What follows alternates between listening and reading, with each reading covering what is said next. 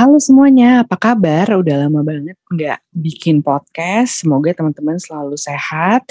Nah, hari ini aku rencananya mau mulai bikin podcast lagi nih, karena kemarin sempat ya nanti kapan-kapan aku akan cerita ya gitu ya kenapa kemarin ini terhenti buat bikin podcast. Nah, untuk yang hari ini aku ingin cerita pengalaman aku hmm, beberapa hari yang lalu uh, ketika aku lagi ikutan workshop.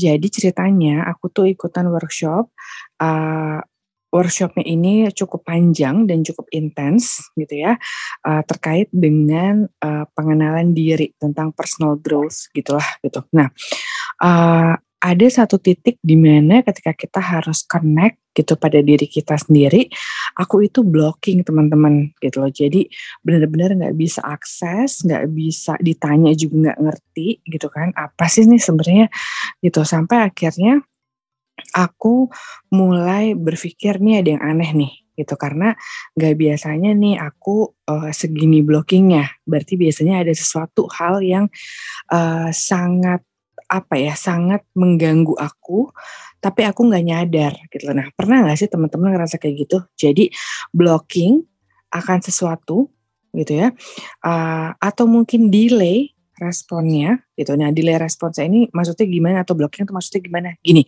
yang kita omongin blocking dan delay terkait dengan emosi yang dirasakan oke okay? Sehingga ketika emosinya itu nggak bisa kita ekspresikan atau mungkin kita mbak, jangankan mengekspresikan ya, kita ngeh aja ada emosi itu tuh enggak gitu.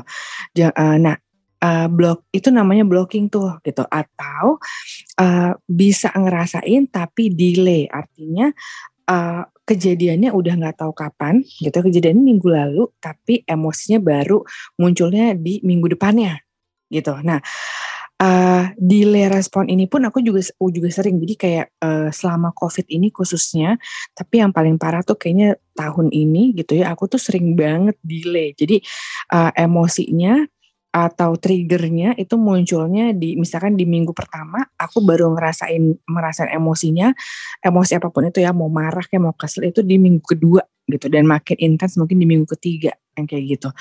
Nah uh, sebenarnya kenapa sih gitu kita kita kita uh, uh, blocking atau kita uh, delay ini gitu. Kalau kejadian aku blocking kemarin sebenarnya karena aku berusaha mendinai apa yang aku rasain gitu. Jadi uh, sebenarnya ketika di workshop itu ternyata aku ada perasaan bersalah nih karena uh, uh, hari pertama ikut workshop aku ditegur karena uh, aku nggak nyalain kamera gitu. Nah sebenarnya aku tuh guilty, aku malu gitu ditegur. Walaupun sebenarnya ditegur itu bukan ditegur uh, di depan umum gitu ya, tapi uh, ditegur yang yang ini yang ditegur ditegur private sebenarnya tuh kayak gitu gitu. Nah tapi itu udah udah bikin aku uh, uh, kena ternyata perasaannya gitu. Nah, tapi aku deny, aku aku nggak aku nggak ngeh tentang itu gitu. Nah, kalau yang delay responsnya itu gimana tuh? Nah, ketika kita delay respon sebenarnya uh, ada ada beberapa hal yang terjadi gitu ya. Uh, uh, antara lain adalah uh, kita lagi nggak sinkron tuh antara apa yang uh, kita yang di hari itu apa yang diomongin dengan uh, kondisi fisik atau kondisi mental kita. Mungkin kita sebenarnya lagi kecapean banget sehingga kita jadi nggak konsentrasi, sehingga jadinya kayak nggak nggak cuneng gitu ya, nggak apa ya, nggak nggak into the conversation mungkin uh, sehingga itu yang uh, jadi bikin kita itu delay. Tapi setelah kita mulai relax, setelah kita mulai uh, ngerasa tenang, kita baru tuh bisa menganalisa kondisi-kondisi uh, yang terjadi kemarin sehingga kita baru notice gitu. Nah, uh, baru notice emosinya. Nah, uh, baik delay maupun blocking ini mungkin aja uh, nggak nggak nggak dengan mudahnya kita ketahui. Artinya kita mungkin butuh bantuan orang lain mungkin.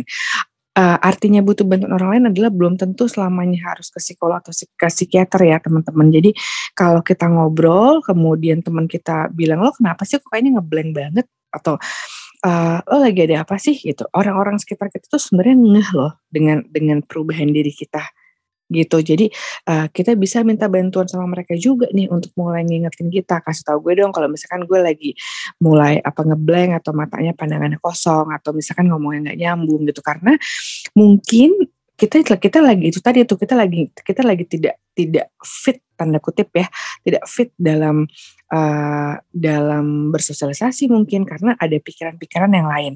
Nah kenapa pikiran-pikiran ini kita nggak bisa nggak bisa akses atau nggak bisa nggak bisa uh, sambungin gitu ya kenapa kita nggak kenapa kita nggak ngeh bahwa ada pikiran atau perasaan yang sebenarnya juga ada gitu loh uh, di diri kita.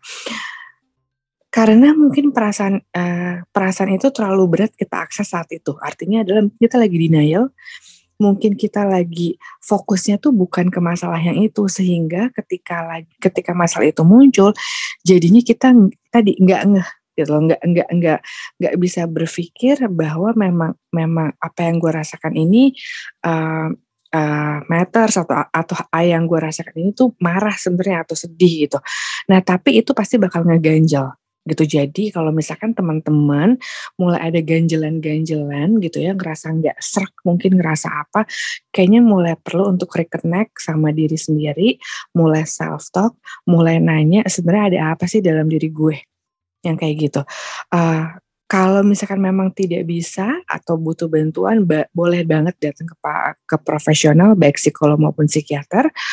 Uh, tapi kalau misalkan mau nyoba sendiri dulu, silakan banget. Bisa journaling, bisa dengan uh, kalau kalau dulu tuh zaman dulu uh, dibilangnya ngomong di depan kaca gitu ya, jadi ngomong sama diri sendiri juga sebenarnya.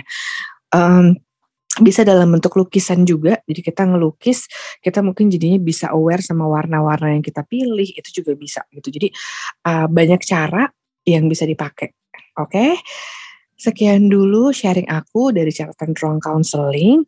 Uh, kalau mau ada yang ditanyakan atau mau ada topik-topik yang mau disampaikan, silakan uh, bisa kontak aku di email ana.desian@gmail.com atau DM di 20,000 words podcast. Oke, sampai ketemu lagi ya. Dadah.